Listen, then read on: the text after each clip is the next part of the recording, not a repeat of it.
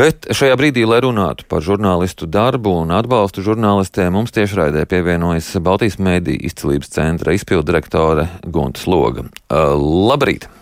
Labrīt, Laura. Pēc Krievijas sāktā kara izskanēja doma, ka Rīgā varētu veidot tādu kā atbalstu centru gan Ukrainas, gan Krievijas žurnālistu atbalstam. Runājot par Ukrainas žurnālistiem, kādu atbalstu mēs spējam viņiem dot? Protams, šobrīd uh, ir situācija tāda, ka Ukraiņu žurnālisti tiešām atrodas uh, frontes līnijās, ja mēs tā varam teikt, gan tiešā, gan pārnestā nozīmē, un viņi turpina ziņot no Ukrainas, un mēs jau arī dzirdējām šo sižetu, 16 žurnālisti ir gājuši bojā, Un tas, ko, protams, viņiem šobrīd vajag, viņi saka, mēs negrasāmies pamest savu dzimteni, mūsu uzdevums ir arī ziņot par to, kas notiek, un tāpēc tā palīdzība patiesībā šobrīd ir pavisam praktiski, kas ir nepieciešama, sākot tiešām no jau minētajām sižetā arī bruņu vestēm un, un ķiverēm līdz, līdz dažādu veidu aprīkojumam un vienkārši apmācībām, kā rīkoties kara apstākļos, ko arī dažādas starptautiskas organizācijas, valdības, un tā skaitā, protams, arī Latvijas, Latvijas pārstāvis sniedz. Cik plaša ir šī palīdzība? Nu, viņa, viņa ir tiešām ļoti, ļoti, ļoti plaša un, un tur, teiksim, nu, Protams, ka tas, kas ir arī jāņem vērā, ka varbūt tas tāds ilgtermiņā problēma būs tā, ka ņemot vērā, ka valsts tomēr tiek izpostīta, ka, ka mēdījiem nav šī papildus varbūt finansējuma izdzīvot tālāk, un tad tur ir jautājums par jau tādu starptautisku donoru uh, vēršanos uh, kopīgos pasākumos, lai, lai palīdzētu Ukrainas mēdījiem. Pilnīgi citā situācijā ir Krievijas žurnālisti. Tie, Krievijas žurnālisti, kuriem vairs nav iespējams strādāt Krievijā, kuri ir bijuši spiesti pamest Krieviju savas profesionālā, profesionālā, profesionālā darba dēļ. Kā ar šiem žurnālistiem? Jā, tie tiešām šobrīd ir tāds liels, liels vilnis eh, žurnālisti, kas pamet Krieviju, un tas ir daudz lielāks nekā pēc 2014. gada, kad arī notika līdzīga aizbraukšana. Un, protams, ka tas galvenais jautājums šiem cilvēkiem ir atrast mītnes zemi, no kuras viņi varētu strādāt un, un raidīt informāciju atpakaļ uz Krieviju.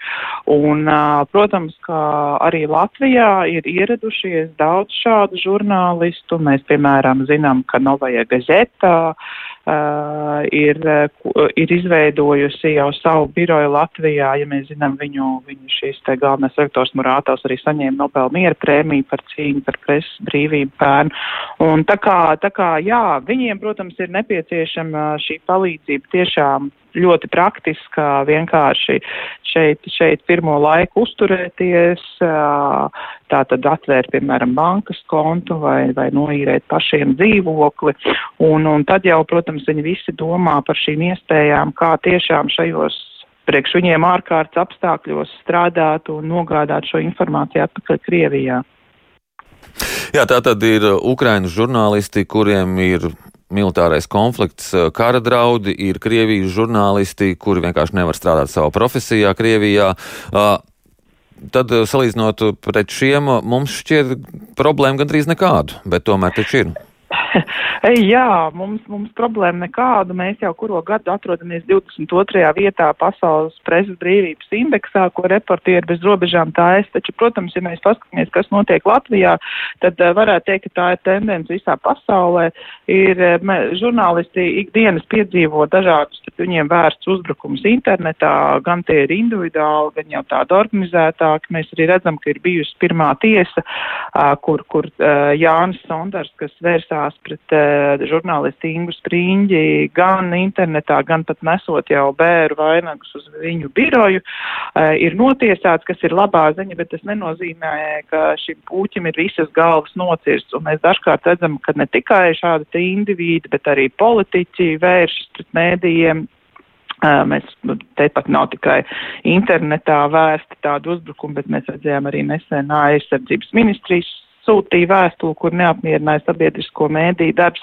Teiksim, notiek tāda uh, vispārēji mēģinājumi graut uzticību mēdījiem. Un, Un, un, protams, ka, ka tas ir izdevīgi gan dažādiem grupējumiem, gan individiem, gan politiķiem.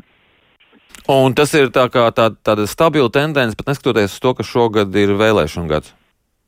Jā, tā ir stabila tendence, kuru, diemžēl, vēlēšanu gads, vēlēšanu gads sāsinās. Protams, mēs redzam, ka arī šī Ukrainas situācija ir sāsinājusi šo jautājumu, jo protams, ir izvērsties šāda milzīga diskusija, vai mēdījiem jābūt ir neitrāliem, vai viņiem ir arī jāpiedalās šai propagandas karā un stingri jāieņem Ukrainas viedoklis, kur no vienas puses mums visiem emocionāli liktos tā ir, no otras puses mums jāatceras, ka mēdīji ir neitrāli savā attieksmē pret notikumiem.